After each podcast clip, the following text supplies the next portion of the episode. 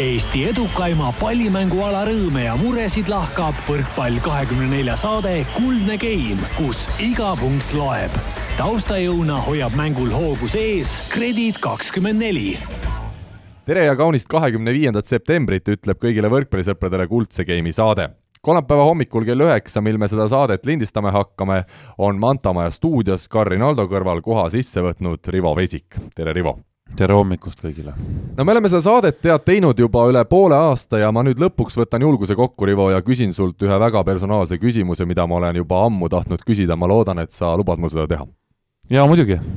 kuidas sa nii vara üles saad? et äh, kui ma vaatan sulle peale seda nokamütsi ja, ja juttu, mida sa üldiselt ajad, see tundub pigem selline fa-fa, olen gängsta ja magan poole õhtuni vend, et, äh, et kuidagi, aga hommikul saad ilusti üles jaa, ma tõusengi tavaliselt väga vara.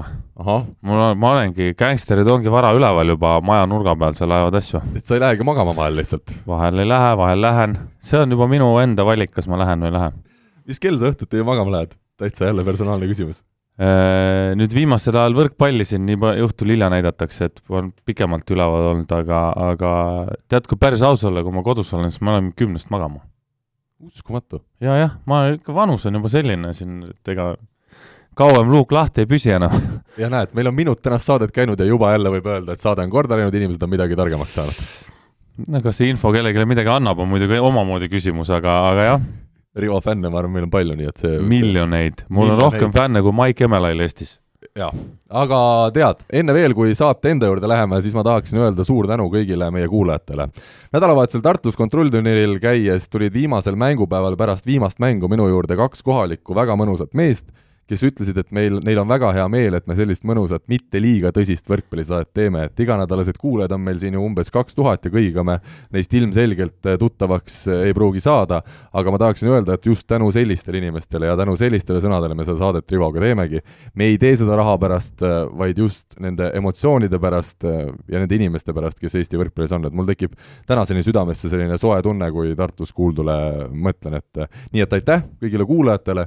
Ja ärge kartke teinekordki ligi tulla ja juttu rääkima tulla, sest, sest see on, see on ainult tore ja isegi kriitika meile Rivoga meeldib, kindlasti on asju, mida saaksime paremini teha, üks asi mul kohe välgatab siin peas, et see oleks Rivole eetrikeelu panemine.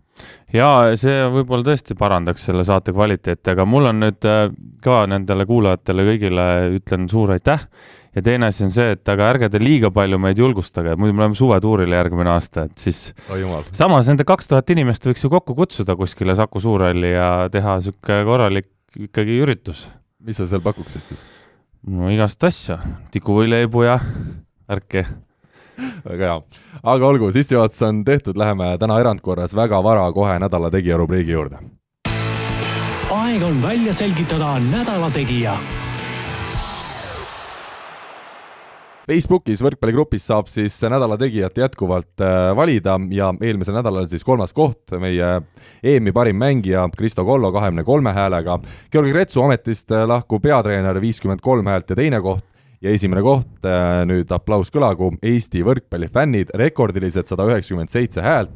Ja Rivo, täna on meil stuudios need fännid kohal, tõsi, mitte päris kõik, aga ole hea, tee nüüd sina tutvust, kes meil siis täna meie vastas on istumas ma siis ühesõnaga juhatan sisse, kes meil siin on. jaa, jaa, kui oskad, kui tuleb välja. ohoh, mõlemad mehed on äh, muidugi legendaarsed äh,, mõlemad on legendaarsed spordimehed ja üldse legendaarsed mehed ja, ja ma arvan, et Eesti fännid kõik, kes on vähegi kas või ühel EM-il käinud, teavad neid mehi nii nimepidi kui nägupidi kui ka osasid ka tuntakse isegi selja tagant, ma arvan, ära, et et äh, stuudios on siis, võiks öelda, Eesti koondise ultrafännid.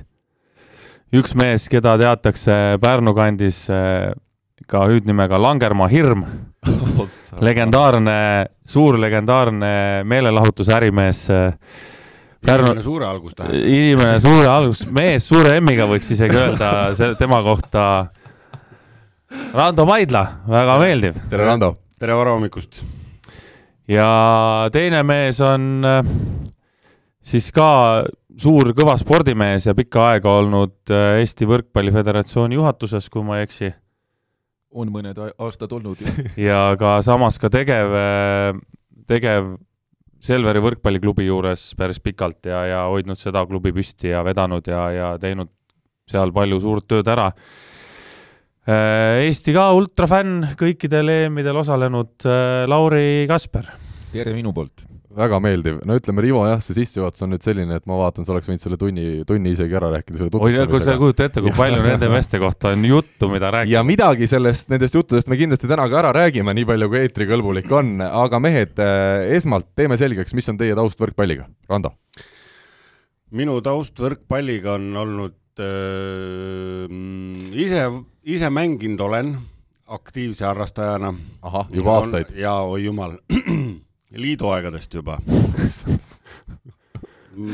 meie kuulajad ei teagi sellist ja, aega. minu suurturniirid on olnud Hiiumaa rahvasporditurniirid, mida kõike teavad Kärdlas, jah.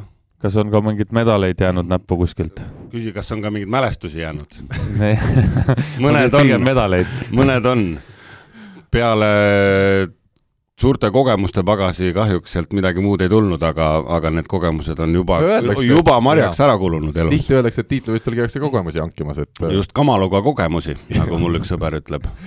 nii ja natuke liivases ka varbaid leotatud ja, ja, ja siiamaani käime Rivo juures terases kord nädalas, kui aeg on, korra higistamas. ma olen samal ajal käinud, higistamas seal teistel väljakutel, kui teie mängite ja ma ei ole Rivot näinud veel teie treeningul, kas, kas on seal mingid lahkhelid tekkinud, saab sealt mingi uudisloo võib-olla? eks ta niisugune staaritseja seal on ja arvab, et omab seda vanat angaari ja, ja teeb seal mingit kõvat asja, aga ei, me oleme suht paindlikud olnud, et vastutasuks ta laseb meil natuke võrgu allapoole, kui on mees, kui Nad ikka lasevad jah, seal on tase, tase on läinud nii üles juba, mina trenni enam ei tee, siis nad praagivad välja mind sealt. rannatennise võrguga mängite siis jah? Meeste rannatennise võrk see on, selle kohta öeldakse tugevate naiste ja nõrkade meeste võrk. jah, pike, lühemad, lühemad mehed ja suuremad tüdrukud saavad mängida. aga Lauri, ma tean, et sinul on äh, ka neid kogemusi hangitud ja isegi vist meistriliigast kunagi ammustel aegadel. olen jah, kunagi mänginud sellises legendaarses äh, tiimis nagu Tallinna autobussikoondis, et see juba kõlab ilusti. üheksakümnendate alguses. mul isa töötas seal kunagi vist. aga noh, kahtlemata, et seitseteist Harju maakonna meistritiitlit ja üks Tallinna meistritiitel, et vaevalt, et siin kellelgi midagi sellist vastu Ai, ainult Hanno Pevkuril, ainult Hanno Pevkuril. ei, ei usu, et temalgi jah, et aga noh, ma pean tunnistama, et kindlasti mu nii-öelda suurem karjäär, Eesti koondise karjäär läks selle nahka, et kui ma kunagi kaheksa-aastaselt läksin võrkpallitrenni Kalevi spordihalli ja vaatasin, et hunnik noori poisse jookseb ringi saalis ja läksin ja võtsin ka siis sinna ritta ja jooksime ja käisime, aga siis äh, mingil hetkel anti nagu teistmoodi pallid kätte, et korvpallid, et siis tuli välja, et läksin valesti trenni ja siis olude sunnil käisin neli aastat korvpalli mängimas. sa ei saanud välja sellest ma ei saanud sellest ringist välja jah, et aga noh, et äh, õnneks ka siis elu on viinud mind kokku selliste legendaarsete meestega nagu Aleksei Tammiste ja Andres Sõber, et äh, tead, ma ütlen, meil tuleb täna korvpallisaate lindistus kohe peale, et sa ei pea ära minemagi, et sa võid jääda vabalt, ma võin neid mälestusi palju rääkida. siis tuleb, siis tuleb tennis, siis tuleb jalgpall ma ei teadnudki, et Lauri, et sa nii kõva kaliibriga vend oled, mu, minu koht täna hommikul siin stuudios läheb suure küsimärgi alla. meie kõigi kohta on ikka seitseteist medalit kodus. ja, ja, ja selle kohta ma ütleks, et see Harju maakonna meistritiitlid tulid Rahvaspordiklubi loo ehk siis vanasti linnuvabriku võistkonna koosseisus, nii et äh, see ütleb nii mõndagi. kas te ja. võitsite ka mõne laskmise võistluse ära, mul on kohe küsimus boksid, boks oli kindlasti kõva.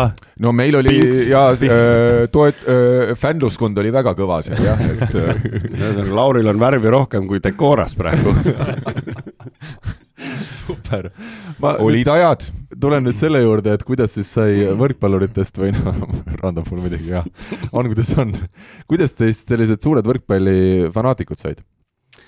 Ehm, minust tegelikult sai alguse fännlus võrkpalli vastu headel aegadel, kui oli veel selline võrkpalliklubi nagu Pärnu ESS. Rivo võib-olla aitab, sina vist tookord ka mängisid veel, enne kui sa päris randa ra,, suurde randa läksid? ei, teeme, teeme kor-, meil on selline saade, kus me räägime ausalt asjadest nii, nagu need olid, Rivo ei mänginud ikkagi. Rivo, oli, Rivo oli seal nurgas, vaata, tead, seal on üks nurk. jah, Rivo plaksutas nurgas. tants, tantsi, mis sa tantsid, öeldakse sellega. jah, aga mingid mehed nurgas. tulevad nurgast ja näed, selle, ega tegelikult, mis seal salata, Rivo nurgast tuli ja, ja, ja käis, käis olümpial ära, nii et et ähm, mis aasta olla võis siis, mingi kaks kaks tuhat üheksakümmend, üheksakümnendad, üheksakümmend kaheksa, üheksakümmend üheksa, ma arvan, olid need kui oli see Pärnu võrkpalliklubi jah, ja suured, mitte isegi hiilgajad olid pärast ka, aga, aga see suur fännklubi oli siis. jah, ja siis selles mõttes äh, oli seal samamoodi, mida, mida täna on Lauri teinud äh, Eesti koondisega ja oli organiseeritud bussid, see kell seal kokku bussiga Rakverre, tol ajal oli juba Rakvere minek oli ettevõtmine. kõva katsumus. kõva katsumus. sama nagu täna läks Hollandisse, eks jah, just. et, et meil oli oma niisugune hästi äge tore punt, mis lõviosa tänagi hoiab kokku ja ühte. paljud käivad ka turniiridel, keda ma mäletan tollest ajast ja, ja mu enda paljud sõbrad, klassikaaslased mängisid tol ajal ESS-is, nii et Nime, arvan, nimeliselt ka või?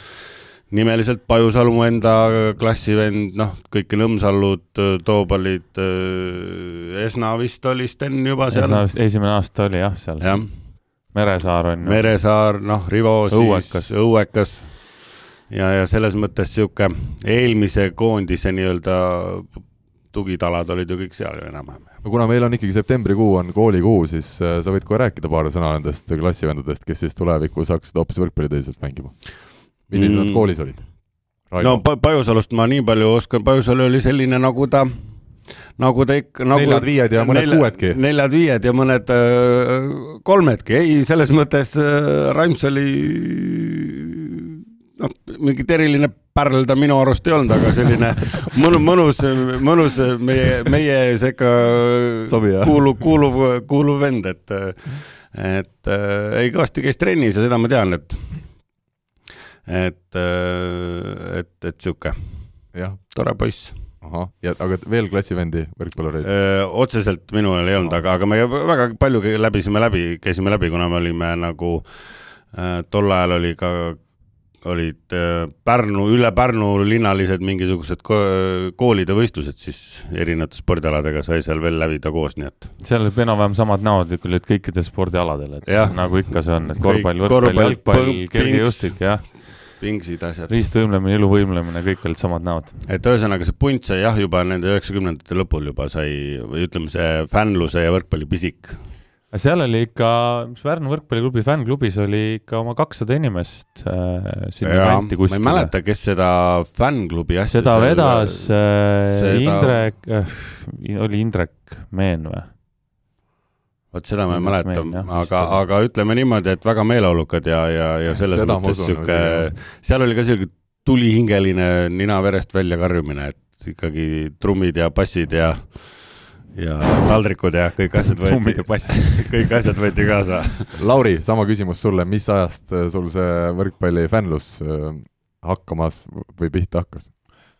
noh, eks ta on käinud varasest noorusest alates, et tuleb minulgi ette, et siin legendaarne Saavini turniir äh, Kalevi spordihallis ja Oi, mida sai kohapeal vaatamas käidud, aga võib-olla nüüd äh, tänases võtmes, et nagu see suurem pisik tuli sisse vast sellega, et äh, mingil hetkel minu siis nii-öelda ametist ja töökohast tulenedes hakati mul kõvasti ukse taga käima, et raha küsimas võrkpalli jaoks siiamaani käiakse? no eks siiamaani käiakse ja noh, eks ma selline hea südamega ja sinisilmne olen ja ja, ja natuke liimile läksin, aga et kui ma juba liimile läksin, et siis mõtlesin, et noh, et eks ma siis äh, tahaks nagu rohkem äh, näha, et mida see Eesti võrkpall ka tähendab ja ma ütlen ka kõrvale, et sinisilmne sõna otseses mõttes, et äh, täna on Lauri siin ka saates sinise särgiga ja siniste silmadega, et, et midagi ei ole muutunud vahepeal. ei ole jah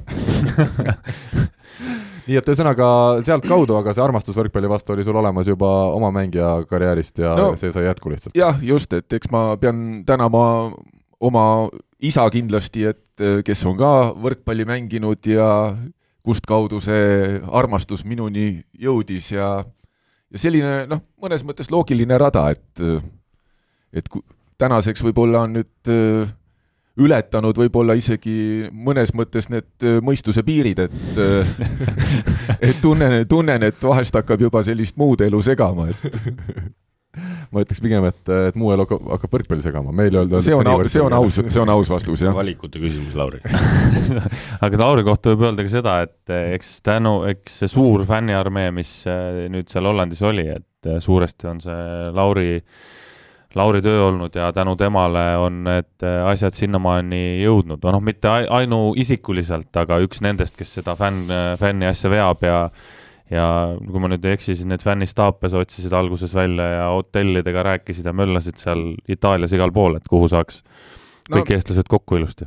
jah, et võib-olla jah, et selline tõsisem töö, et läks ikkagi Poolas lahti jah, et kaks aastat tagasi. jah, et siis, kui, kui me võtsime juba nagu teadliku eesmärgi, et saadagi, et Äh, ütlesin tookordki välja, et kaks tuhat seitseteist aasta EM-il, et võiks kaks tuhat seitseteist Eesti fänni olla, et noh, kõike ükshaaval nüüd üle lugema ei hakanud, aga tõenäoliselt see number ka seal oligi. ja, ja et kui juba nii palju rahvast kokku ajada, et noh, siis tekkis see mõte, et võiks neile midagi nagu rohkemat ka pakkuda, et et kui päevas on siis üks mäng ja kaks, kaks pool tundi seda vaadata, et siis selle kõrval võiks palju muud tegevustki olla ja ja, ja tasapisi need mõtted siis koorusidki selliseks fännistaabiks ja üritusteks välja ja ja, ja noh, keegi pidi seda initsiatiivi ka rohkem võtma enda peale ja ja ma arvan, ma arvan, et see mm, läbi nüüd selle viie turniiri, mis me oleme olnud alates sellest Türgist, siis tegelikult äh, see lai pilt näeb, et, et Poolas, Poolast alates oli mingi staabi teema ja asi, aga tegelikult Lauri ja, ja ma ei tea, kes sul seal pundis veel on, siis äh, ikkagi oli seda juba Tšehhis tunda ja, ja, ja ikkagi Itaalias ka, nii et tegelikult, et see fännklubi ja et, et sellest Eesti võrkpallifännist täna ka laias maailmas nii palju räägitakse, siis äh, ega siin tuleb sellele Laurile ja tema pundile niimoodi ikkagi otsa vaadata, et see nii hästi organiseeritud ja jutt läheb laiali ja tegelikult on ju äge ja, ja nagu nagu mul üks sõber ütleski, et see on nagu niisugune laulupidu, et, et kui on teada, et ainult laulda ei oska? Jah, ainult laulda ei oska, ega siis, mis seal laulu peal kõik oskavad laulda või tuleb õigele ajal suud maigutada lihtsalt. et, et, et, et muidu oleme küll väikesed, aga kui koos oleme, siis oleme hästi suured ja tugevad, et, et, et ega kogu see, et see täna fänninumber meil iga reisiga nii palju kaasas on, see on ikkagi tänu sellele no, Laurile ja ma, tema pundile et.... selles mõttes pigem nagu tunnustaks ikka iga üksikut fänni ise, et Eesti võrkpallurid ka ilmselt. jaa, no. kindlasti, et noh, peab ju põhjus olema, et äh, kui, kui meid kuskil suurturniiril ei oleks, et äh, vaevalt, vaevalt, et keegi Itaalia koondisele läheks kaasa elama, et noh, võib-olla meie ultrafännid lähevad. ma tean ühte tüdrukut, kes läks Itaalia koondisele kaasa elama aga nüüd vist on kodus. no ma loodan. vot, see on jälle niisugune, me kutsume, eks ole, oma ala spetsialistid, täna on meil võrkpallifännid, nad teavad öelda, et üks Eesti tüdruk läks Itaalia mängu vaatama, aga täna on kodus. statistika on kõik on teada, kõik on ja, suur vend ta käis äh, kindlasti Hollandi mänge kõike vaatamas ja, ja ma arvan, käis ka seda viimast Itaalia. see on nüüd see, mida Alar Rikberg isegi ei tee, et Alar teab, teab täpselt, palju meil vastuvõtuprotsent, rünnakuprotsent, palju kas teab? No vot, ma arvan, et ta vähemalt seda teab veel, aga seda nüüd, eks ole. mida fännid tüdruk, teevad just, edasi? see statistika on meil siin kahel mehel olemas. jah, et äh, kes mis kell magama läks, kes ja. kuhu, kuhu magama läks, kellega. kellega, see on hoopis olulisem. ja see on ja nii edasi, nii edasi, et see on kõik.... mina, mina tean neid asju kõiki sa oled ise osalenud seal. aga selle ei. fänni, fännluse kohta pole kuulnud ühtegi halba sõna nagu ühegi fänni käest, et midagi oleks olnud halvasti või midagi sedasi ja ja üks parimaid postitusi sinna võrkpalligruppi oli, oli see turniiri ajal keegi fänn oli postitanud öösel, ütleme poole kahe-kahe paiku. oli lihtsalt küsimus, kas staabis on ka keegi, kas tasub tulla? ühtegi vastust ei olnud ja sama mees oli hommikul ise oma postistust, postitust kommenteerinud, et äh, väga hea, et kõik vastasid no, no aga see näitab, et pool kaks öösel äh, on äh, emotsioonid nii laes, et isegi elu veel käib. elu käib, pole aega vastata. ja, ja noh tähelepanu on igal pool mujal kui ainult nutiseadmetes. täpselt, täpselt. ja nüüd veel üks huvitav fakt, kui äh, Laurit me teame kui ühte äh, fänniarmee siis äh, sellist organiseerijat, siis äh, sinu puhul, Rando, ma tean, et meil on ikkagi koondises oli Venno, oli Venno kaasas EM-il, küsiti, kus ta on ja miks ta ei tulnud, tegelikult oli kohal, ta oli sinu selja peal, Eesti koondise särk, miks just äh, Venno särk sai valitud selleks turniiriks? Äh, Rando jääb naeru tagasi, kogub ennast ja vastab. enne kui Rivo mind siia kutsus, ma ütlesin, et küsimused palun meili peale saata, aga ette saate kõik, jah? jah, aga võib-olla ka sellepärast, et äh, minu puhul ei ole ka tegemist mingisuguse kergkaaluvennaga, et äh, ma olen ka sihuke ikkagi sajane vend juba. kahur tunneb kahuri ära ikka Ka,. kahur tunneb kahuri kaugelt ära. see särk läks selga vähemalt. ainuke, mis sobis kabariitidega. et ei pitsitanud, et mul on äh, neid särke, koondisel oli kolme tooni särki, oli siis äh, sinakas, äh, must ja valge, et mu sõber, kes sai sinise särgi, mina sain musta särgi sõber sai sinise mm, Venno särgi ja see oli talle väike see Venno särk oli talle väike. kuidas te saite need särgid? noh, ega siin tuleb Oliveri tänada, et ta need asjad niimoodi sättis, nagu ta sättis, et jäi üle ju siis selge las osad asjad jäävad ka niimoodi, ütleme siis eh, las, las inimesed kuluaaridesse. jah, kui kuulajatel midagi on ikkagi siin saab öelda klassikalise lause, et tuleb tunda inimesi. jah ja, ja, õigeid inimesi, jah. jah, tuleb me, mina tean lauset, tuleb õigete inimestega magada, kui on uni jah, Randol on selles suhtes äh.... meil on nagu see, ma tahtsin öelda vahel nagu see Jesper Parve saade, millest me enne saate algust, meil ongi juba läinud natuke, ma ei ole küll kuulanud ühtegi seda saadet, aga see tundub, et see temaatika on nagu väga sarnane. see tasub kuulata. Rando töökoht on selline lihtsalt, et ta saab teha igasuguseid erinevaid diile. Partnereid, ütleme siis nii aga me oleme rääkinud juba natukene ka sellest, mis, mida huvitavat te olete selle fännikarjääri jooksul nii-öelda kogenud, aga mis on kõige eredamad ja kõige meeldejäävamad sellised hetked, Lauri, alustame sinust, kas sul tuleb kohe mingi selline eriline lugu meelde või mingi eriline seik? no kui me võtame nagu Eesti koondist, et siis äh, kindlasti nagu selline senini võib-olla kõige eredam mälestus on ikkagi äh, kui me esimest korda pääsesime EM-ile ja enne seda Tallinnas äh, suutsime Poolat võita ja kindlustada selle pääsme sinna, et äh, et see tuli noh, sõna otseses mõttes nagu välk selgest taevast et äh, see emotsioon, et on mul nii sulaselgelt veel praegugi meeles, et mis tollel hetkel seal saalis oli, et et seda ei saa jah, keegi ära võtta. aga noh, kindlasti on palju naljakaid ja võib-olla vähem naljakaid asju juhtunud nende EM-ide jooksul, et no Rando siin, kindlasti teab lisada kohe neid. jah, et äh, Rando või, Randoga me võime siin rääkida, et seesama esimene EM Türgiski, et kuidas me seal Türgis ja, siis palju meil aega on?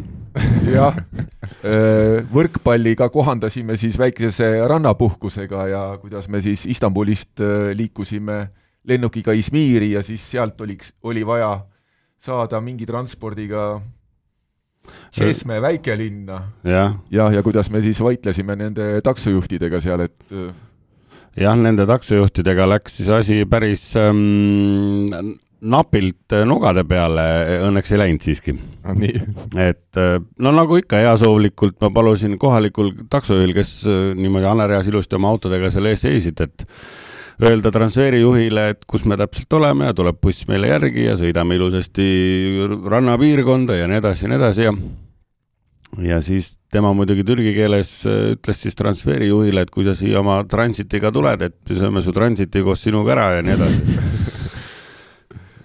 ja, ja see virvarr, äh, ühesõnaga siis äh, transitijuht rääkis minuga, et ütles, et võta oma punt ja jaluta lennujaama piirkonnast välja, et eemal oli üks suur bensiinijaam, et lähme sinna, võtame külmad õlled ja väikse võileiva ja, ja siis me kõndisime niimoodi ja nemad äh, jalakäija kiirusel oma autodega jälitasid meid, vahepeal sõitsid mööda, jäid tee ääres seisma, siis jalutasime meie neist mööda ja. ja neid oli ikka selline paarkümmend seal ei, tol hetkel Lauri, tegelikult oli niisugune viis-kuus autot, ega ei siis..., aga tagantjärele lähevadki numbrid suuremaks alati, kui lugusid räägitakse, et teeme kakskümmend oli neid autosid. jah, teeme kakskümmend. ja siis jõudsime sinna bensiinijaama, andsin toru bensiinijaama töötajale ja ütlesin, et helista sellele numbrile või ütle, et kus me oleme, et tuleb meil transit järgi, onju. noh, siis äh, ma saan isegi sellest türgi keeles aru, kui türklane ütleb jaa-sõna, et ehk siis küsimus oli bussijuhilt bensiinijaama töötajale, et kas need taksod on ka seal ja da. ja siis, äh, siis ma sain probleemi tõsidusest nagu aru ja, ja meie transit tuligi. mina oma A4-ga, Mr Maidla, I m a client ühelt poolt ja see pisikene ruts kuuekümnene taksojuht tuli teiselt poolt. ja transit tõmbas ukse kinni ja pani kummivilina saatele minema ja siis äh, võtsin ma kõik türgikeelsed, eestikeelsed, venekeelsed, inglisekeelsed, soomekeelsed ropud sõnad kokku ja, ja vaatasin nii ülevalt alla selle taksojuhile ja olin nõus, mitte vägivalda, mitte vägivaldset elu elav inimene kasutama, et ma ei tea, olin, ma ei tea, mida nõus tegema, aga õnneks jahutati mind maha ja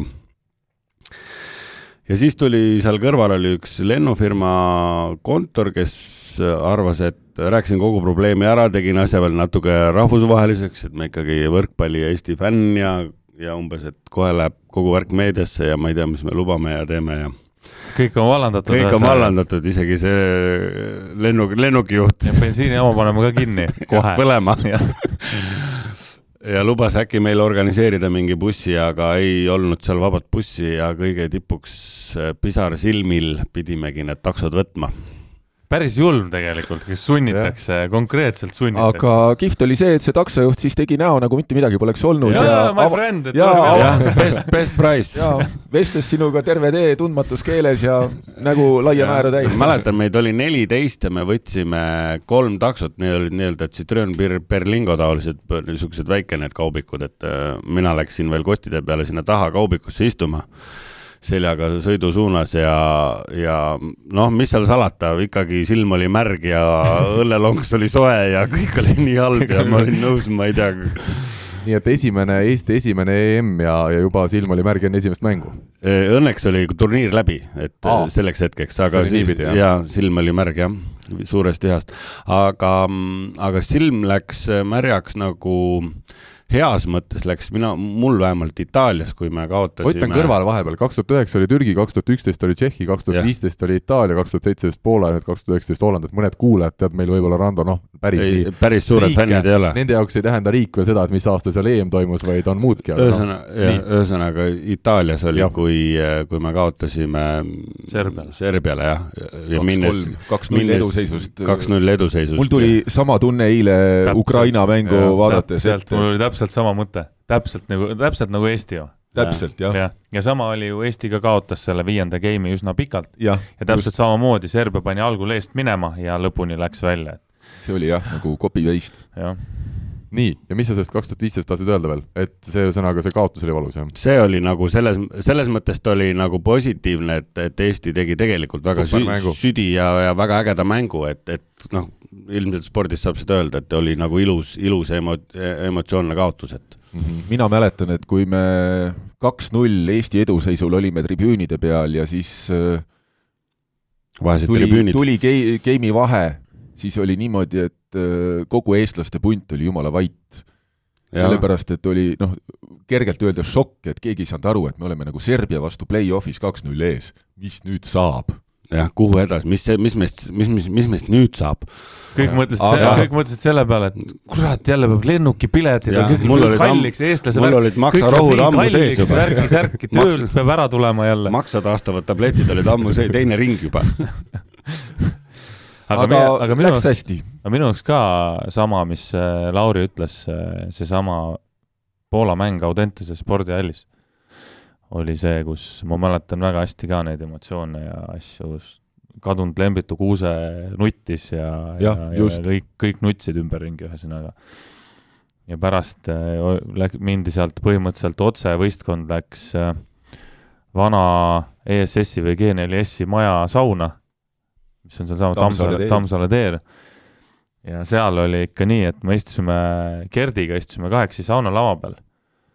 ja Gert oli ka niimoodi, et kurat, et mis nüüd, mis nüüd sai, on ju, et mis me tegime, et täiesti uskumatu, kõigi jaoks oli täiesti uskumatu.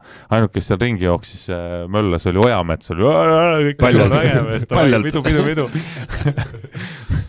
ei, võrkpall selles mõttes, noh, ma arvan, et igale sellele fännile on ikkagi nende selle viie, noh, kui me räägime nendest turniiridest, selle viie turniiri puhul ikkagi ülipalju nii rõõmu kui, kui kurbuse, kui neid erinevaid emotsioone pakkunud, et see on ka võib-olla üks asi, miks mina juba täna jätame selle jätame selle viimase turniiri sinna, kus ta, kus ta praegu on, et, et poolfinaalid jah. jah, jah, poolfinaalid hakkavad, et, et, et loodame kahe aasta pärast ikkagi taas äh, sinisärgid selga tõmmata ja.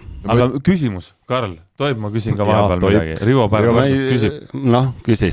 et äh, kahe aasta pärast on EM Tallinnas, kas see saal on ka teada, kus mängitakse? ei tea veel, kas Saku Suurel või Tondiraba. okei okay Äh, teie kui nüüd äh, fännid, kes on käinud kõikidel turniiridel, Lähete bussi või lennukiga, tahab Rivo küsida. teil tuleb äh, kuues turniir, Maidla nii suur business, see tuleb lennukiga. ma lähen, jah, ma käin tiiru ära ja siis tulen turniirile et äh, teie kui, teil tuleb kuues on ju EM-i finaalturniir. Te olete kindlasti kohal seal. Et äh, mida teie, mida teie ütleksite nagu nendele kõikidele, kes veel ei ole käinud ühelgi EM-il, et miks nad peaksid tulema saali Tallinnas? miks peaks tulema Tartust, Tapalt, Võrust, Narvast, Pärnust, Kilingi-Nõmmest inimesed? no eks ta sama asi on lõpuks, et äh, miks nad kõik äh, laulupeole tulevad, et äh, et äh, ma väga loodan, et või... Narvast ei tule väga minu arust laulupeole, ma ei tea. tulevad, tulevad, tulevad ja, ja, no. aga nad seal ei julge kõva häälega rääkida. ja laulda. et, äh, et mina vähemalt loodan küll väga, et äh, kahe aasta pärast tekib samasugune fenomen, et pannakse ükskõik siis kumma saali uksed kinni ja öeldakse, et ei, rohkem meil sisse ei mahu, et vaadake siin nüüd ukse tagant, et võib-olla paneme mõne ekraani üles, et siis saab panna selle laulu Ei, kõik on täis, täis.. Mhm. jah jah, ja ega kui ei taha nagu tulguna, ega siis saalid lähevad ikka täis. jah ei, ma mõtlengi just seda, et see emotsioon, mis sealt äh, saab, isegi kui sa nagu võrkpallist väga ei jaga, on ju, siis kindlasti on tribüüni peal väga palju eksperte, kes sulle seletavad kõik olukorrad ilusasti lahti ja, ja veel ütlevad seda, mida nemad oleks selles olukorras teinud. absoluutselt oh, absoluutselt. aga ei, tegelikult see mm, vähemalt korra aastas see sinine särk, eriti kui on näiteks neljas mäng juba seesama sinine särk, mis on see, mida ei ole pestud vahepeal. mida ei ole pestud vahepeal. võiduigi on sees. see selga tõmmata ja koos karjuda need äh, sõnad ja mingid laulud laulda, siis äh, see on ikka, noh, see, kes ikkagi seda asja on ju telekast juba vaadanud või, või asja huviline on, siis võiks, kuna see su suur turniir ikkagi nii lähedale tuuakse, siis võiks ja peaks. noh, samas äh, no ma küll loodan, et see ei ole, aga väike oht võib-olla on, et äh, äkki mõni fänn isegi võib-olla mõtleb, et ah, niisama lähedal on, et ma vaatan parem kodus telekast, et no see oleks, minu jaoks oleks see ikkagi noh, konkreetne lollus, vabandust väljenduse eest, aga aga et tõesti, et kui ta koju kätte tuuakse, siis äh, no. see, seda emotsiooni, kui su kogu see emotsioon ja kogu see punt, kes oli nüüd äh, Poolas ja, ja Hollandis ja ja kui juba need tuhat viissada, kaks tuhat inimest saali tulevad, sinna veel panna tuhat, kaks tuhat juurde, siis see on äge. ja no, ma olen enam kui kindel, et siin Eesti Võrkpalliliit, et võtab seda projekti ka ikka väga tõsiselt, et selles mõttes korralduslik pool, et ma arvan, et äh, saab olema midagi sellist, et mida nagu äh, siin tava, tavapäevadel spordielus üldse ei näe, et, et siin ei tasu saali tulla mitte ainult siis selle võrkpalli pärast, aga kogu selle melu ja atmosfääri pärast, mis seal ümber on. no seal on ju Hetsburger ka, et selles suhtes saab, saab kätte. ja õnneks selles mõttes, enne kui sa, Rivo, jätkad, Lauri, sul on ju ja ütleme, sinu tiimil on nagu organisatoorset tööd selle võrra vähem, et terve vanalinn on staape täis aga te, aga, aga väga hea küsimus, Rando, kusjuures, aga te kindlasti panete mingisuguse koha, kust Veenus algab rongkäik, kust läheb Veenus, no, äh, ma juba siin aimasin seda, et äh, siin anti ilmselge vihje, et see Veenus Club äh, võiks olla see koht, et kust, mis Rando ütleb? noh, ega siin äh, räägime Europargiga läbi need asjad ja vaatame. peaasi, et autoga nüüd need fännid ei tule ja ei no oleneb, oleneb, oleneb, kus, kus mängud on, ega kui on ikkagi Saku Suurhallis, siis äh, kes see sul Veenuse juurest viitsib minna sinna jalutada, seitse kilti või, palju on? no Eesti rahvas on ju laulurahvas, tõuksidega. Eesti rahvas on Bolti appi ja kõik läheb tõuksidega. mina, meie saime Hollandis aru, et Eesti rahvas ei ole mitte laulurahvas, aga refräänirahvas. nii, selgita nüüd seda, ole hea noh, sest ega kogu laulu ju ära ei laulda, lauldakse kõvasti refrääni osa. ja minul, minul ajal vaid seisab see terve tsirkus koos. tsirkus koos. tsirkus koos et oleneb, kus, kus see mäng on, ehm, aga, aga noh, miks mitte, kui on siin Haabersti ringil väga toredad šašlõkikad on mingid lähedal ei, aga samas, aga miks, miks mitte, kui te, te kindlasti panete mingi staabi, eks ju. no aga ei no ongi Europargi, Europargi park Euro-. ei, aga mina tahtsin, mina tahtsin juba jõuda, et äh, mine seda tea, et noh, ega need septembri ilmad on nagu nad on, aga suve ju tahaks, et võib-olla siis tulge on see terasesse. terase all mahub kaks tonni ära sinna küll, kui hästi panna seisma. ja, ja teeme seal. sellise ametliku fänni fännibeach'i. vabalt, see on täiesti mõeldav, aga, aga äge oleks vaadata seda rongkäiku, mis läheb mööda mis ta siis on, see Paldiski maanteed. Paldiski maanteed, seal on Jah. ju kergliiklustee Saku Suurhalli poole, seda oleks päris kihvt vaadata. no lihtsalt osad fännid kukuks enne nagu ära kukuks nagu linnast ära. või? nagu linna poolt jah, meremeeste haigla sööklas tehakse fännistaap, supp, pirukas ja magustoit. Saku Suurhallis. ja siis, kui sealt tuleb tim-tim-tim-tim-tim, siis vahele jääb see mingisugune, seal ei jää, põõsad on, siis no ühesõnaga mingi joogi on neid ka vaja, kui tuleb ikka pikk tee. jaa, põõsaid on kõvasti vaja. mingi joogipunkt peab vahel olema enne suurralli ei no ikkagi. paneme nagu Tartu sellel maratonil Toitlustuse joogipunkt. joogipunkti jah, sinna saad energiakeeli ja, kutsume ja Mati Liljalliku appi ja Jah. teeme ära. energiakeeli, jah. äkki saab Kuule, isegi aga- maratoni samal ma ajal tahtsingi öelda jaa, et äkki viime kaks asja kokku. Et ongi Tallinna maraton ja see on siis samal ajal või see kümne kilomeetri jooks näiteks. jookse, jooksed Suurhalli. jah, jah, joogipunktid kõik on tee peal. saad aja kirja ja, Jah. ja autasuks turniir Jah. Jah. või mingi, mingi äge mäng. näiteks. just. kuulge, aga meil on, hakkab saate esimene osa vaikselt lõppema, ma küsin lõpetuseks veel, kes on teie isiklikud äh, lemmikud Eesti võrkpallikoondises? nagu hetkel või? no ükskõik, ma tean, et sul on äh, varasemast ajast ka lemmikuid. Ehm, okei, võtame siis selle viimase turniiri ette. Kollo nagunii kõik teavad, mängis hästi ja Kollo on nii palju head ja paremat kiita juba saanud, et aitab talle küll. mingu oma Rume-, mingu oma Rumeeniasse ja hakaku oma klubi, klubielu elama. aga mis nagu mulle väga meeldis, oligi see Rauno Tamme mängutulek oli minu arust. terve turniir oli, ta plaksutas seal nurgas, keegi tast väga välja ei teinud ja, ja nii kui viimases mängus tuli, kohe võttis ilusat paar tugevat servi vastu, ei väristanud väga kedagi, et, et minu arust Rauno Tamme oli niisugune tore väike poiss, kes nurgast tuli. aga läbi aegade kõige lemmikum äh, Eesti võrkpallur. noh, selline, kes. Rivo Vesik ikka, ma ei, arvan. mitte, ei, tema ei ole mingi läbi aegade tema ei ole mingi ta ei võrkpallur. ole mingi võrkpallur. see rannavõrk, see ei ole mingi ala. võib-olla Kristjan Õuekallas, aga kui te nüüd küsite, miks, siis äh, ta pani mulle ükskord suvel äh, Sunseti ees niisama ranna, rannavolletes pani ühe käega niisuguse ploki, et ahah, ilmselt ma võtan selle ploki hauda kaasa. kusjuures Kristjanit ma nägin alles eile, ta ütles, et ta viimast saadet meil kuulas. tal on väga ilus naine ka. no vot, nüüd jõudsime tegeliku põhjuseni. igatahes ma väga loodan, et Kristjan seda saadet enam ei kuula. ja ma loodan, et tal Maidla naine ka ei kuula seda saadet. Lauri, sinu juurde, mitte siis ei küsi lemmik äh, võrkpalluri naist, vaid lemmik võrkpallurit jätkuvalt. ah, kusjuures äh, ikkagi. tahaks selle, selle teema juurde jõuda jah, et õnneks meil on nüüd äh, ka võrkpallinaised juba nii heal tasemel, et me võime neid küsimusi väga vabalt esitada ja, ja ja, ja ma tahaks öelda tegelikult, et kui naised nüüd mängisid esimest korda EM-finaalturniiril, siis neid oli seal Ungaris rohkem fänne saatmas kui Eesti meeskonda esimest korda Türgis, nii et äh, ma kas loodan, et kohal, sa olid ise ka seal on ju? no ma olin ikka kohal, jah. ikka, Rivo vist küsimus. töö on töö. töö on töö jah, peab, peab meeldima peab. meeldima jah. ja, ja mis seal salata, väga lahe elamus oli, nii et ma igati hoian naistele pöialt ja ma arvan, et sealt on tulemas nii mõndagi tulevikus. aga lemmikmängijad, ükskõik siis kas naiste või meestekoondisest? no kui me siin suurem osa meestest oleme rääkinud, siis noh, ma pean siin nüüd võib-olla niisuguse vä- väga ebaoriginaalse nagu variandi välja käima, et ikkagi sügav respekt äh, Gert Toobalile, et Just.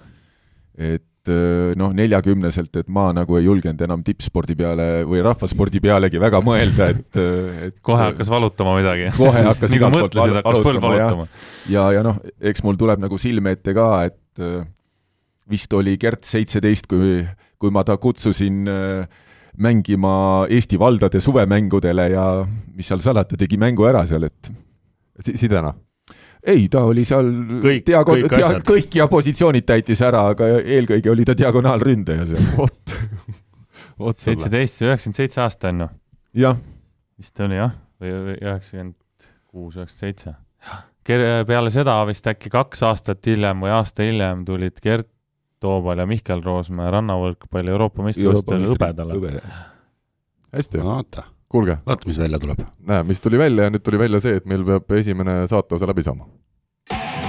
küsimusmängu toetaja on teamshield.com oma disainiga spordi ja vaba aja riided küsimusmäng ja eelmisel nädalal siis Rivo mõtles välja ühe äärmiselt äh, huvitava küsimuse ja küsimus oli siis järgnev, kuna meil oli saates külas Rauno Tamme, kes saate ajal siis vabakäeseadme abil autoga sõitis Kuressaarest Tallinna poole, siis küsisime, et kui kaua võttis võrkpallur Raunol kogu teekond aega, kui tema auto sõidukiirus oli kaheksakümmend seitse kilomeetrit tunnis kogu selle tee vältel ja teatavasti siis nii, nagu kõik vastajad ka välja jõudsid otsida, praamisõit äh, kestab mandrilt äh, või õigemini siis saarelt mandrile kakskümmend seitse minutit.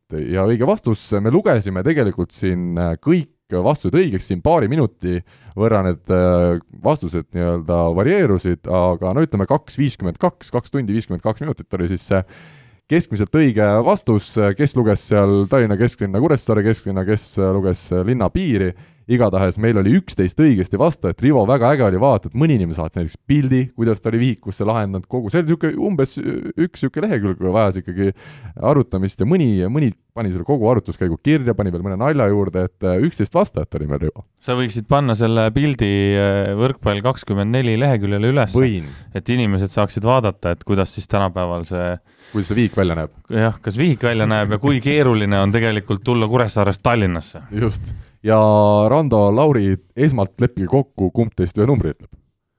Lauri, ütle sa, sa vanem. Rando, vana baarmanina, see ütleb ju kohe juurde midagi, üksteist, tal ühte-teist ei ole, tal on neljateistkümnest algavad numbrid. Kuld, kuldne game võib mingi kahjumi saada sellega siit.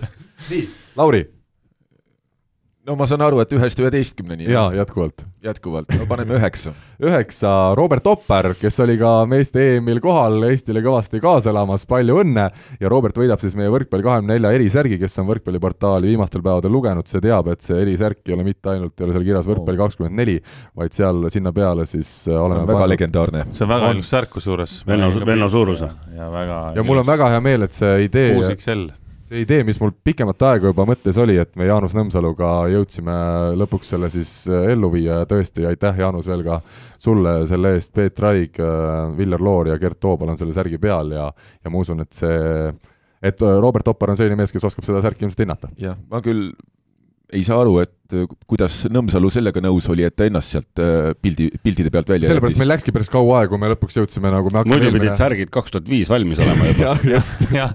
Türki EM-ile pidid saama. seal, seal pidi olema Nõmsalu, Nõmsalu ja Nõmsalu ja Piperst. ja Nõmsalu, Lemsalu, Torbek ja Piperst, see on järgmine särk, mis tuleb teha. sellest Nii. ma olen juba Jaanusega rääkinud. aga head kuulajad, järgmise või selle nädala küsimus on siis äh, ütleme mitte, mitte sugugi kehvem, küsime nimelt seda.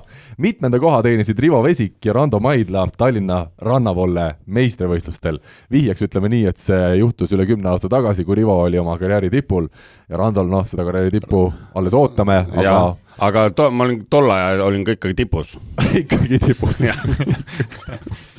No ja räägime selle loo ka ära, et sul tegelikult oli ju tugeva vigastusega, sa mängisid sel turniiril Rando, Rando on kogu oma elu tugeva vigastusega elanud, selles suhtes on ta harjunud sellega. jah, et mul ongi üks, minu elu ongi üks suur vigastus. nii, lisaks on tal veel päev ja öö sassis kogu aeg. Ühesõnaga, kõik vastused saab jätkuvalt saata info, et võrkpalli24.ee ja võrkpalli24 Facebooki lehe sõnumitesse ja no vaatame, kas tuleb üldse õigeid vastuseid ja kui ei tule, siis peame lihtsalt lugema, kes kõige lähemale saab. ilmselge ju. ilmselge, ilmselt küll, jah. siin ei ole jah, see otsige need vanad spordilehed üles ja jah Tall-, Tallinna Hääl või mis ta oli? kommunismi ja kogu, mis, mis ta oli? ei, ei, tollel ajal oli juba kõik hästi, et oli, oli neli teate Savisaar. no vot, nii et äh, läheme järgmise teema juurde mängija profiil, üks inimene, erinevad vaatenurgad mängija profiil ja sel korral, Rival, ma olen välja valinud sellise mehe nagu Itaalia koondise diagonaal- ja nurgaründaja Ivan Zaitsevi. minu jaoks täiesti müstika, kuidas Ivan Zaitsev eh, nii kogenud mehena Euroopa meistrivõistluste play-off'is täielikult põruma hakkas. kaheksandikfinaalis kõigepealt eh, kuus tõstet, neist neli lõi vastaste plokki ja veerandfinaalis siis eile oli ta selline mees, et äh, lõi Prantsusmaa vastu neljateistkümnest tõstest ühe maha. Kuidas, kuidas see võimalik kui on? vana on Zaitsev? kolmkümmend. noh, siis peaks ikka veel suutma mängida küll. no aga aga kuidagi, kuidagi oskad sa laiemalt vastata sellele küsimusele, kuidas on võimalik? minule tundub, et tal selle sidemängijaga ei klapi, ta ei ole maailma kõige paremas vormis praegu, Zaitsev, ja sidemängijaga kuidagi ei klapi neil Mi, mingi ebakõla neil seal on ja kui vaadata seda, et ega see eile ju ka Juan Terena oli, oli ju miinuses mängu lõpuks kokkuvõttes, et et egas nad ei ole seal keegi mingit superturniiri teinud ja, ja, ja samamoodi nagu oli võib-olla ka Eestil väike probleem, siis ei ole ka Itaalia võistkonnal olnud seda ühte liidrit, kellega rasketel hetkedel nagu kelle peale mängida. aga kuidas sa selgitad seda, ma mõtlen ikkagi nii kõva mees, nii tähtsad mängud, kuidas on see võimalik, sa ütled, kas tõesti, kui ise ei ole päris parimas vormis ja sidemängija töö ei klapi, siis ongi normaalne, et Ivan Zaitsev-sugune mees lõpetab mängu miinus kümnega? ei no ta ei ole normaalne, kindlasti ei ole, selle taseme mängija juures ei ole normaalne, aga aga seal võib olla, kes teab, mis tal tegelikult viga on, et äkki tal on mingisugune väike vigastus, mis teda segab, noh, jällegi kõik kuulajad, vabandust väljendust, aga võib-olla lihtsalt sitt päev. et ei olegi midagi teha, et ka maailma tippudel on neid kehvasid päevasid ja, ja eile siis sattus kõik see asi võib-olla ühte kohta kokku, kehva vorm, kerge mingisugune vigastus, halb päev, ei klapi seal sidega, kõik need asjad kokku, võib-olla emotsionaalselt ka natukene tühi, et ta on ju mänginud pikalt ja, ja koondist esindanud pikalt ja nii edasi, nii edasi, nii edasi, et et kõik see asi võibki kulmineeruda sellega, et sa panedki miinus kümme ja, ja sõidad koju, noh õnneks ei ole kaugel minna sealt väga. aga ma lugesin ka täna, jõudsin ära tõlkida Itaaliast ühe, ühe artikli, kus ta tõesti lihtsalt vabandas inimeste ees. ta ütles, et see, kuidas ma mängisin, ta küsis isegi iseenda käest, kas ma olen ründaja, et selle turniiri põhjal ei ole, et, et ta tõesti oli ka ise, oli ka iseenda vastu üdini aus ja, ja ütles, et, et see ei olnud kindlasti Itaalia koondise rünnakuliidri mäng, mida ta seal EM-il näitas. Aga seal ei olegi midagi teha, et äh, mis ta siis seal ikka, ainuke asi, mis jääb, on vabandada ja järgmine kord lihtsalt paremini teha, et äh, minu jaoks on üllatus see, et okei okay,, Prantsusmaa on sel turniiril ülihea, veerandfinaalis nad nüüd eile siis üks ole null kolm kaotasid, sellest mängust me jõuame hiljem veel rääkida, aga Türgi vastu, kes ei ole ju maailma esimese järgu võistkond, et isegi seal ta selles esimeses game'is lõi tõesti kuuest tõstest neli plokki, võeti vahetusse ja nii jäigi, no eile üritati siis alguses teda diagonaalründaja kohal, siis toodi Gabriele Nelli diagonaali kohale ja, ja tema läks nurka mängima, ikka mingit muutust ei tulnud, et äh, aga noh, jälle minu arust see näitab taaskord, kuivõrd huvitav on lihtsalt sport, sport kui ala, et, et huvitav on ta kindlasti, teine asi on see, et äh, et ilmselt ikkagi, nagu sa ütlesid, ta on nii kogenud, ta on nii pikalt mänginud, et tema peale loodab, see Itaalia koondis loodab väga tema peale. Ja ka see treener, et ma nüüd seda Itaalia koondise siseasju nii hästi ei tea, kes sealt vahetusest võtta on, keda ei ole, aga kui sul on eluaeg on olnud äh, liider, on ju, Zaitsev, siis teda välja vahetada ja jätta nagu mängudest välja peab treeneri poolt olema väga suur otsus no, aga Türgi mängus tegi, jah? ei no jaa, aga ilmselgelt Türgi mängus tegi, järgmises mängus ei teinud ja ega ta järgmist mängu ka hästi ei mänginud. et ilmselgelt on seal äh, midagi kehvasti, noh vormiga ilmselt on kehvasti, aga lihtsalt treener kas siis ei julge või ta loodab ikkagi, lootis selle Zaitsevi peale, et ta veab välja oma, oma kogemuste pealt, mida ta seekord ei teinud. nii, aga nüüd Rando, võrkpallifänn Eestist ütleb oma lõpliku tõe, mis siis Zaitseviga tegelikult juhtus? noh, mis ta, mis temaga siis ikka juhtus alustame pärast kooliajast. jänes tuli püksi alustame, ma arvan, et ma selles mõttes pean Rivoga, taaskord ma ei ole küll väga nõus Rivoga üldjuhul, aga, aga siinkohal nõustuma, et ega noh, sel turniiril ju meie koondisest oli nii-öelda Zaitsevile paralleele tõmmata ju üks-kaks vähemalt, kes oma kohta välja ei mänginud, et et äh, nagu öeldakse, vahel ongi lihtsalt selline päev, et ja see ei ole mitte üks päev, ongi mingi periood, et ei tulegi kõik välja ja, ja, ja ega siis sinna ei saagi, et et kui sa oled niisugune number üks mängija oma satsis ja sind, sinu peale natuke ehitatakse mingit mängu üles ja kui sa ei pärja, siis ja, ja kui välja ei tule, ei tulegi, noh, ei olegi midagi teha, ega siis. kas fännidel on ka vahel nii, et ei tule lihtsalt välja see kaasaelamine, et lähed mängule, oled justkui valmis, tead, et, et noh, et oled juba nagu mitu jooki ka teinud ja, ja kuidagi ei tule see plaksutamine, see karjum, tunned, et täna ei ole õige päev, täna ei jõua lihtsalt. kui plaksutamine ei tule, siis on ikka väga mitu jooki tehtud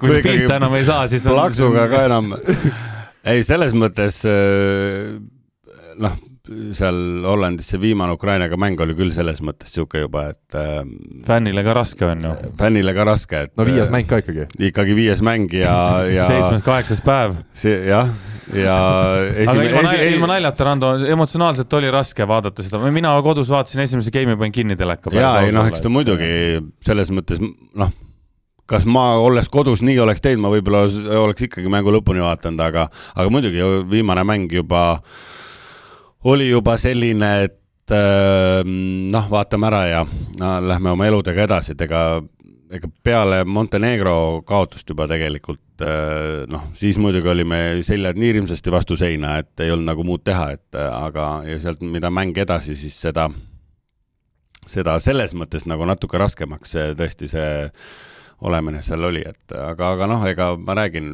mängijatel on see asi veel raskem ja keerulisem, meil lõppes mäng ära, meil läheb elu edasi ja tuleme tagasi Lähed tööle. järgmisesse kebaabi ja ei pea kellegi ees vabandama. jah, ei pea kellegi ees vabandama, võid vabalt selle türklase täis sõimata ja, ja kõik on hästi, et väga hea. sul on türklaste vastu midagi, Rando? mul ei ole nende vastu absoluutselt mitte midagi. mitte mingeid ma tundeid. lihtsalt sinna puhkama kunagi ei lähe enam.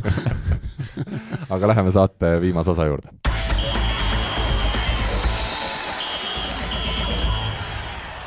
Räägime siis esmalt äh, Euroopa meistrivõistlustest endist, tänaseks äh, on meil teada kõik neli poolfinalisti, Poola, Sloveenia, Prantsusmaa ja Serbia, ehk siis mõlemad korraldajariigid, kes siis veel äh, mänge võõrustavad siin äh, neljas viimases kohtumises, ehk siis äh, prantslased ja sloveenid, on konkurentsis. Peafavoriit kullale Poola, ma julgen äh, öelda ja soovitada kõigil inimestel, kellel äh, vaba raha pangakontol on äh, veel mingid panused kuskile teha, Poola tundub praegu meeletult tugev. Uskumatult tugev. jah, siin ei olegi midagi öelda, et äh, Poola on nii kindlalt marssinud sinna poolfinaali välja. tuletame meelde, ainus game'i kaotus Eesti vastu meile. ja üle kahekümne punkti või ka, vähemalt kakskümmend punkti on äh, lasknud nad endale siis ühes game'is nüüd sakslaste poolt lüüa ja ülejäänud ongi need Eesti mängu kolm game'i, kus, et see on müstika. Äh, jah, nagu ma ütlesin ka selle Eesti mängu kohta, et ilmselgelt oli seal näha, et Poola koondis äh, Just. enamus mängijaid on füüsilise, füüsise peal veel ja nende eesmärk on see nädalavahetus.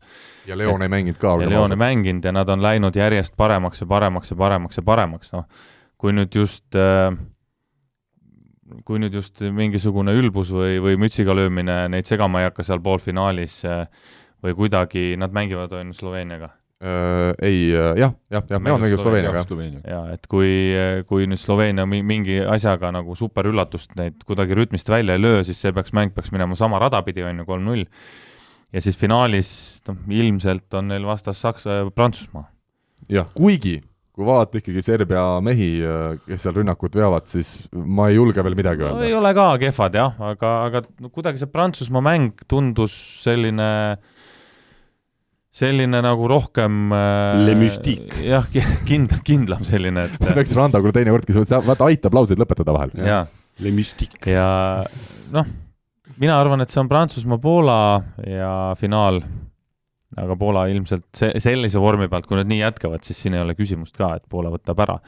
mis äh, muidugi see Sloveenia-Venemaa mäng minu jaoks oli täielik üllatus, vaatasin seda mängu ka Superäge, ja äge mäng, Sloveenia muidugi mängis müstilise, no täiesti ebareaalset võrkpalli, seal ei olnud ühtegi hetke, kus pall nagu puutuks niimoodi põrandat, et äh, mingi Sloveenia mees ei saaks varvast või kätt või mingit asja vahele.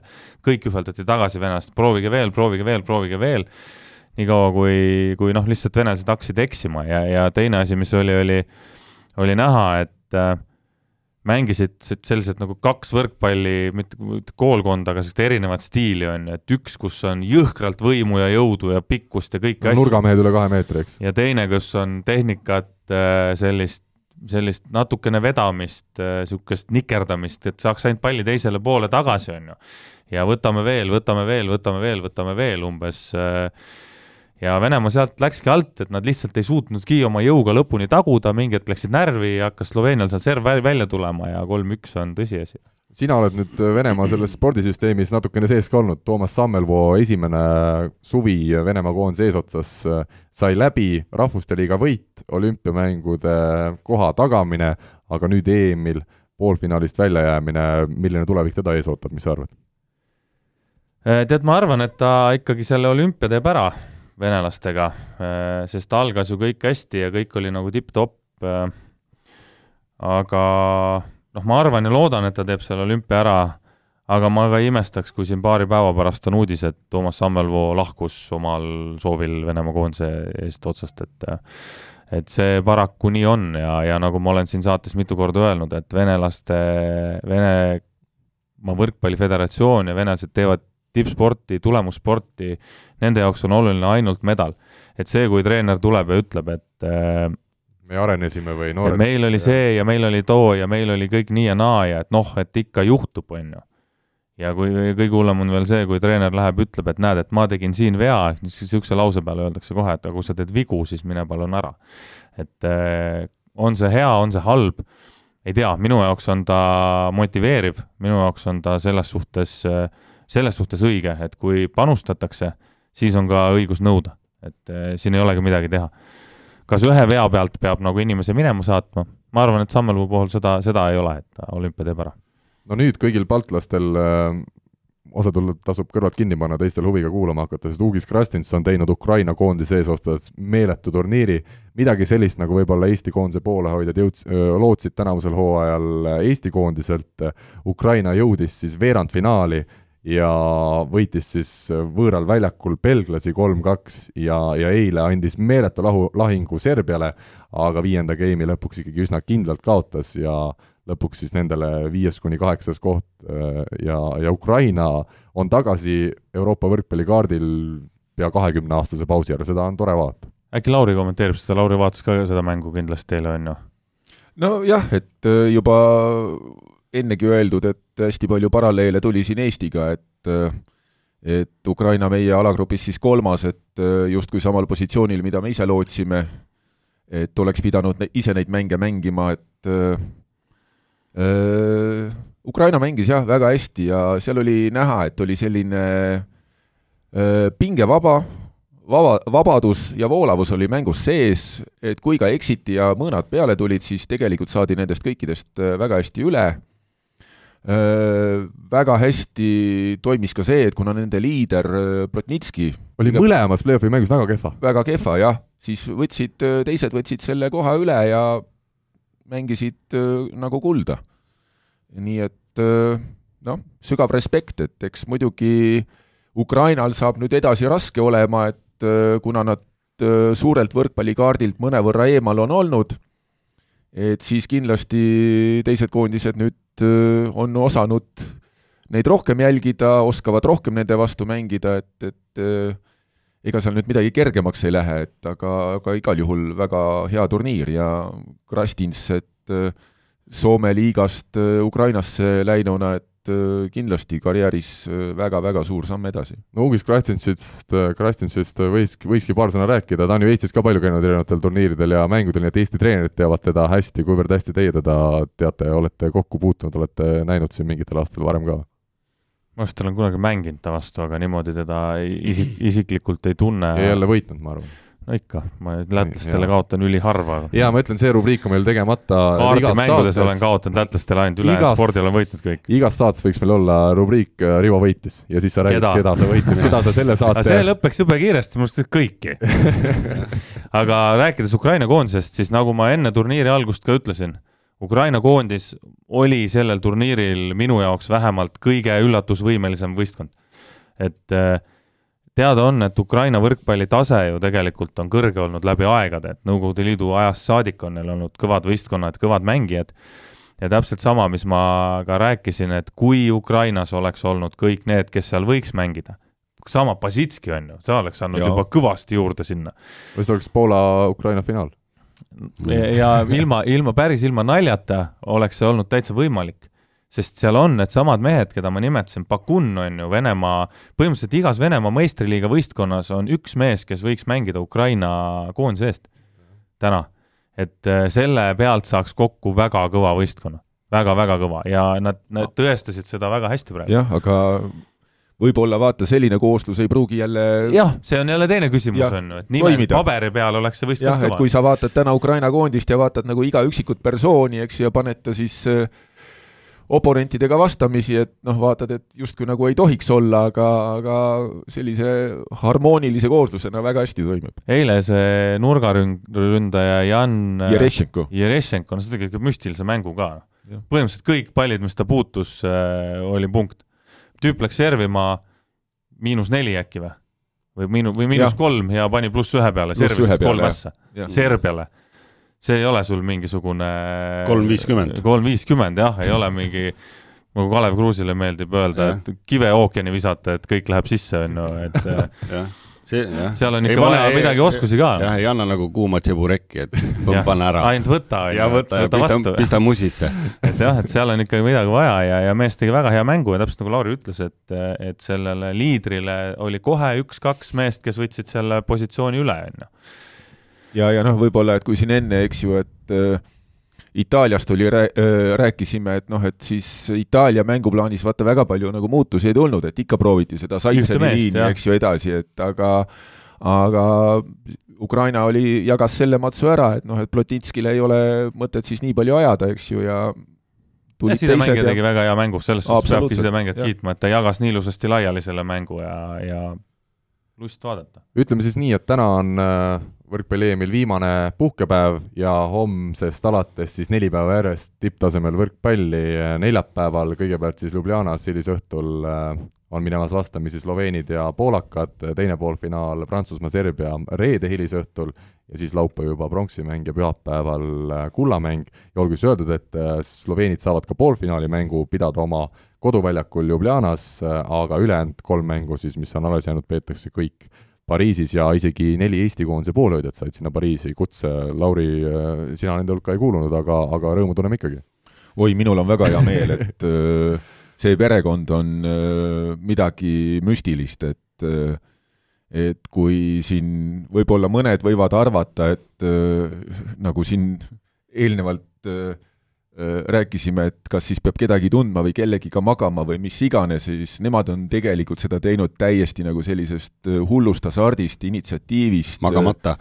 jaa, nad on autoga mööda Euroopat reisinud, võtnud rattad kaasa, et noh, nad on käinud naistekoondisele kaasa elamas, meestekoondisele kaasa elamas, et ma arvan, et see on nagu väga hea tunnustus ja preemia neile ja, ja, ja noh, näitab tegelikult, et kui sa nagu öö, tõesti oma asja südamega teed ja, ja, ja oled positiivne, et siis võivadki sind sellised üllatused tabada, et et mis on teistpidi jälle ka väga suur tunnustus kogu Eesti fännluskonnale, et meid on märgatud, et Euroopa Alaliidu president isiklikult ütles, et kuule, ma tahan kuidagimoodi neid Eesti fänne, eks ju, tänada. oligi niipidi, jah? jah, aga ega see Eesti fännide kohta, see on ebareaalne, mis on toimunud ja, ja kui palju tegelikult kajastust välismeedias on saanud Eesti fännid, sama Hollandiga mäng, kui ütles see, see Hollandi liider, mis ta see Nimir Abdelaziz. Peale mängu ütles, et poleks Eesti fänne olnud, ma oleks tühjas saalis mänginud. oma koduväljakul Oma mängis Holland, tuletame meelde. nojah, ja noh, ma ütlen nagu teistpidi veel seda, et, et olles seda fännielu, eks ju, siin ajanud ja teinud ka, et noh, näiteks Poolas ja siin Hollandiski, et enne võistlusi, et lähed ja käid ja räägid, noh, sellistele potentsiaalsetele öö, partneritele, et kes võiksid sind võõrustada või kelle juures võiks neid üritusi teha ja sa räägid, et noh, et meid tuleb nagu üle tuhande või tuleb kaks tuhat, no sind vaadatakse natuke niisugune, et lollakas peast. lollakas peas jah, ja, ja noh, päris ausalt öeldes, et siin Hollandis äh, käies, et äh, mingil hetkel nagu pididki need gabariidid niimoodi alla võtma, et rääkisid, no niisugune paarsada tuleb, et äh, et seal selline tuhandene number kohutas nagu inimesed ära, et äh, nad läksid lukku su ees, et aga minul nüüd suur küsimus, perekond Randpõld läheb seda finaali vaatama, no seal mängivad, eks ole, nagu me siin aru saime, kindlasti mängib Poola, ilmselt mängib Prantsusmaa, kuidas nemad nüüd seal siis on, võtavad Eesti koondise särgi jälle selga, Eesti lipud ja hakkavad karjuma Eesti, Eesti või, või kuidas sa, Lauri, oled sa mingid juba sõnumid kandnud, et kuidas nüüd seal tuleks käituda finaalis? no ma arvan, et äh, nad on ikkagi patrioodid ja viivad selle meie missiooni lõpuni, et äh, Eesti on finaalis esindatud ja ja kusjuures neid, pääseb pilti ka neid. on ikka neli korda rohkem kui näiteks eilsel Ukraina mängul, sest Jah. minu arust näitas seal tribüünil ainult seda Ukraina ühte naist, kes seal Jah, äh, oli, oli, rohkem Ukraina. ma küsisin ka Plotnitski käest enne turniiri algust seal pressikonverentsil, et aga kus teil kõik fännid ja ajakirjanikud on, et noh, see ajakirjanike üritus, teiste riikide omad seal kõik küsisid, ukrainlased, Krastins ja Plotnitski istusid seal kahekesi, ma läksin siis natuke sellist kahjutundest ka juurde, tegin intervjuu ja Plotnitski ütles, et kus ajakirjanikud on, kodus on, kus fännid on, need on ka kodus, et kõik ei kõik, kodus. Ukraina fännid on tööl ju. Eestis. jah, да? В Эстонии работать. Aga noh, see näitab, et äh, kui tahad kuidagi pilti pääseda, et pane Ukraina särk selga ja mine ela kaasa neile. ja lõpetuseks kahe aasta pärast saavad ukrainlased siis ka tulla vaatama, sest jaa, sest ma arvan, siin on täismaja, ütleme niimoodi. eestlased, hakake piletid igaks juhuks siin on äh, võib-olla üleskutse härra Pevkurile, et äh, hea sõber, ole hea. ohjelda, ohjelda natukenegi oh,. ohjelda no, ja hoolitse meie eest. kõigepealt me peame asja nii kaugele saama, et Ukrainaga samas salagruppi, jah no küll seda korraldada. aga nii palju nendest fännlusest, sest noh, mina, Hollandis oli seal üks intsident, oli Poola fänni ja kohaliku turvamehe vahel vist seal, ühesõnaga jõudis see, aga nii palju, kui meie seal parkimisplatsidel näiteks poolakatega kokku saime ja, ja poolakad äh, nii-öelda fännina väga palju tegelikult eestlasi toetavad. et noh, niisugust mingit vaen, vaenulikkust ja niisugust asja võrkpallifännide puhul ähm, tegid ei, pilti ei, seal, kui Eesti ja Poola mängisid, mängu ajal tegid omavahel pilti, eestlased, poolased, väga sõbralik. ja tihti, kui me käisime nagu, kuna päev, oli nii-öelda päevapiletil, mitte mängupilet, siis sai nagu võõraid mänge ka vaatamas käia, siis äh, noh, olid oma sinise särgiga seal, poolakas tuli vastu, löödi plaksu ja no kui sa ja... Venno särgiga tuled, kuule, siis no, igaüks lööb sulle plaksu selles mõttes äh, jah, see oli võib-olla särgi pärast küll tõesti, et ei, selles mõttes Poola fännid on äh, või ütle, ütleme üldse võrkpallifännlus on pigem ikkagi niisugune sõbralikkus ja sihuke mõnus atmosfäär igas juhul. jah, teen kas, kas äh, piivahootsid, no ja, ja siis selle tema mulle ja tema sina talle ja. kas äh, turniiri lõpus tulid juba Poola fännid, tuli teema, oo, Pan Maidla. Jen Dobre, Jen Dobre. Pan Maidla. Dobre, jah, ei päris nii õnneks asi nii familiaarseks ei muutunud. familiaarseks ei läinud, aga, aga kui nad kahe aasta pärast siia tulevad, siis oi, oi, ma näitan. Kõik kõrtsud ette lõpetuseks äh, Tartus toimus nädalavahetusel World Cup ehk siis selline korralik hooajaline turniir, Savo Volley Soomest selle võitis, aga teise kohas oli siis Tartu Bigbank ja, ja ütleme, mis sellelt turniirilt mulle silma jäi seal kohalpeal viibinuna, oli äge, oli see, et kes olid Eesti meeskondade resultatiivsemad mängijad, see olid eranditult top, äh, mis siis oli, top äh, kümnes lõpuks vist või, olid eranditult kas legionärid või siis meie oma noored mängijad Märt Tammearu kogu turniiri resultatiivsem, kuuskümmend neli punkti nelja mänguga, pluss kakskümmend kaheksa, äh, Toni Tammiksaar, seitsmeteistaastane, kui Tammearu on kaheksateist, siis Toni Tammiksaar Rakverest tulnud mehena nüüd Pärnu meeskonna uus nurgaründaja, nelikümmend viis punkti oma kohe esimesel sellisel töisemal turniiril, olgugi et hooajalise turniiriga oli tegu, ja, ja üks huvitav nimi oli veel Mattias Rahuoja, Pärnu temporündaja, samuti väga hästi, kakskümmend seitse punkti pluss seitseteist. et tore on näha, kuidas Eesti noored kerkivad jätkuvalt äh, esile kohalikul võrkpallimaastikul ja, ja see kogu võrkpallihooaeg, nagu me Rivoga varem oleme arutanud, on siin tulemas ikkagi megaäge, meil on neli, võib-olla isegi viis, kõik need võistkonnad, kes meil meistriliigas mängivad, on, on, on, on head, kui mitte veel selgelt paremaks läinud kui eelmisel hooajal ja, ja samal ajal olgu, et meil on tugev ja lahe koduliiga, on meil võõrsil mängimas siis üle kahekümne Eesti meesvõrkpalluri on, mida jälgida, kõvasti on, mida jälgida. ja kõik see hakkab juba järgmine nädal pihta, nii et Kand, kandke ainult üle, ma ütlen. kantakse millal, millal ja. algab hooaeg. teine oktoober, TalTech ja Saaremaa. just. Tallinnas. Tallinnas. väga hea. Rivo on kohal. Ja, kõik ja, saali, ma lähen no, tööle esimene oktoober. Ukrainasse. tõsine, tõsine üleskutse, et äh, kõikidele fännidele, et äh, ärme siis ainult nagu just, koondisele just, kaasa ela, et äh, leiame ka hooaja sees, et siin Eesti klubidele et iga Eesti koondise poolehoidja, kes siis käis Hollandis või ei käinud, võiks teha endaga sellise diili, et ma käin nüüd vähemalt, ma ei tea, sel hooajal kolme või viite meistriliiga mängu ka vaatamas, et kuskilt hakata just, pihta. aga miks mitte, keegi võiks ju võtta nende klubide fännklubi, klubinduse ka nagu natukene üle ja koordineerida ja organiseerida seda, sama nagu oli seal ESS saate alguses räägitud ESS-i ajal, et seal oli põhimõtteliselt selline miniatuurne variant eh, praegu Eesti koondise fännidest, et eh, koguneti enne kodumängu selles, selles eh, kõrtsis, seal vaadati siis kas mingit jalgpalli enne, tõmmati hoog üles, mindi Rabahalli, seal möllati ära, peale mängu jälle natukene asju arutama ja, ja koju, et see on seesama nagu, kelle mängu sa seal iseloomustasid, Ukraina mängu, et pall võeti üles nagu veel ja veel ja julgustame ennast veel ja veel ja võtame veel ja veel ja siis lähme mängu vaatama. jah, täpselt. jah, veel ka. et,